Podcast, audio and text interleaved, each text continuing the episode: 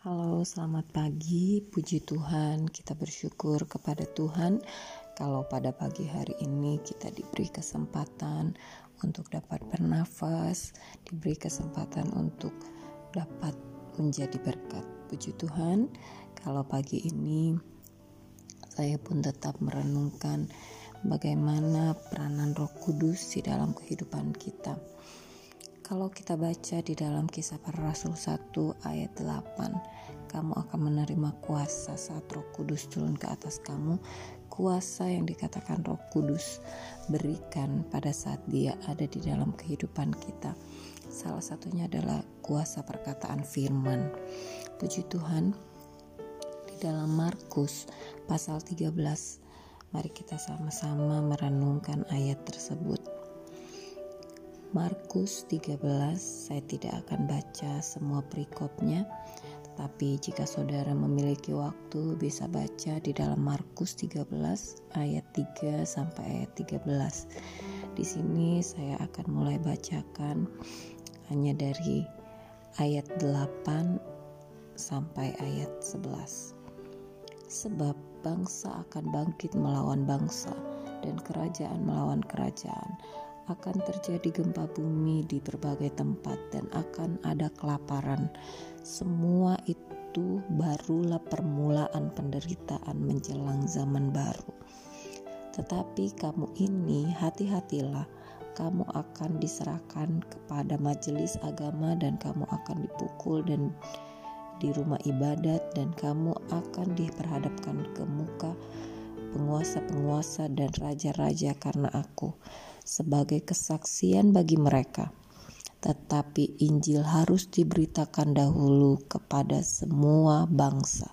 Dan jika kamu digiring dan diserahkan, janganlah kamu khawatir akan apa yang harus kamu katakan, tetapi katakanlah apa yang dikaruniakan kepadamu pada saat itu juga, sebab bukan kamu yang berkata-kata, melainkan Roh Kudus.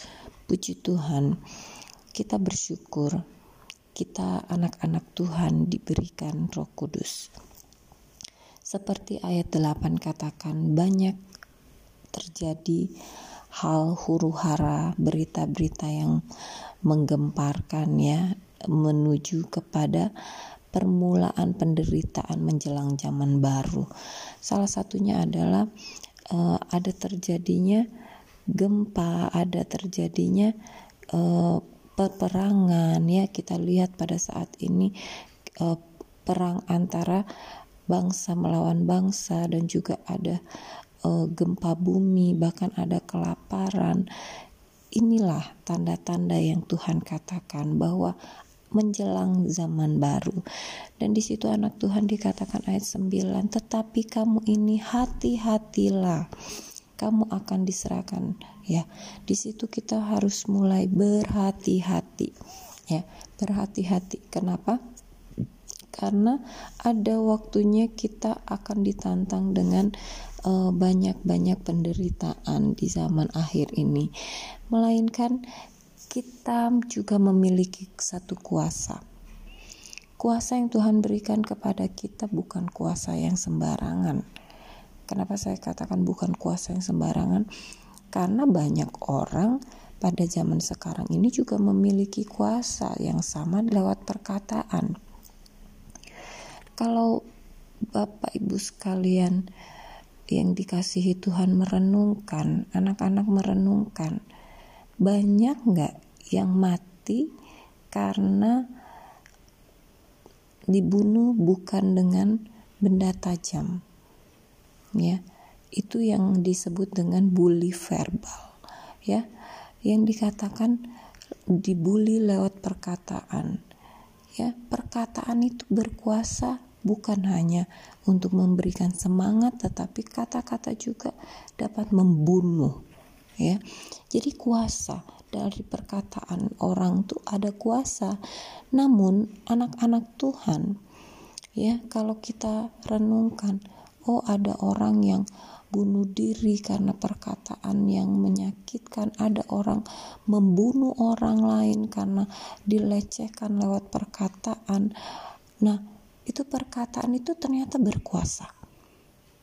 Namun kuasa yang dimiliki oleh perkataan yang dapat membunuh orang itu bukan kuasa daripada Roh Kudus. Kuasa yang diberikan Roh Kudus lewat perkataan adalah kuasa yang menyelamatkan. Puji Tuhan, saat kita baca dari renungan hari ini bahwa saat kita menderita di situ dikatakan Injil tetap harus diberitakan. Di dalam kisah para rasul juga katakan murid-murid diberi kuasa untuk memberitakan menjadi saksi Tuhan. Kisah para Rasul 1 ayat 8 Tetapi kamu akan menerima kuasa kalau roh kudus turun ke atas kamu Dan kamu akan menjadi saksiku di Yerusalem dan di seluruh Yudea dan Samaria dan sampai ke ujung bumi. Perkataan yang berkuasa dari roh kudus adalah untuk menyelamatkan. Banyak sekarang orang-orang berdagang pakai marketing mereka juga ya motivator-motivator mereka lewat apa mereka lewat perkataan juga berkuasa memenangkan orang lain, membawa orang lain, mencari keuntungan lewat perkataan. Namun, Roh Kudus, perkataan Roh Kudus bukan mencari keuntungan bagi diri sendiri, melainkan memberikan satu berkat keselamatan bagi orang-orang yang mendengarnya. Puji Tuhan, mungkin renungan hari ini agak sedikit panjang, namun kiranya tetap kita ingat supaya Roh Kudus menolong kita di mana pun kita bersaksi untuk kemuliaan Tuhan, menceritakan eh, kebenaran Injil daripada Tuhan, kiranya itu semua berkuasa untuk menyelamatkan orang-orang yang mendengar. Terima kasih, puji Tuhan. Selamat beraktivitas. Tuhan Yesus memberkati.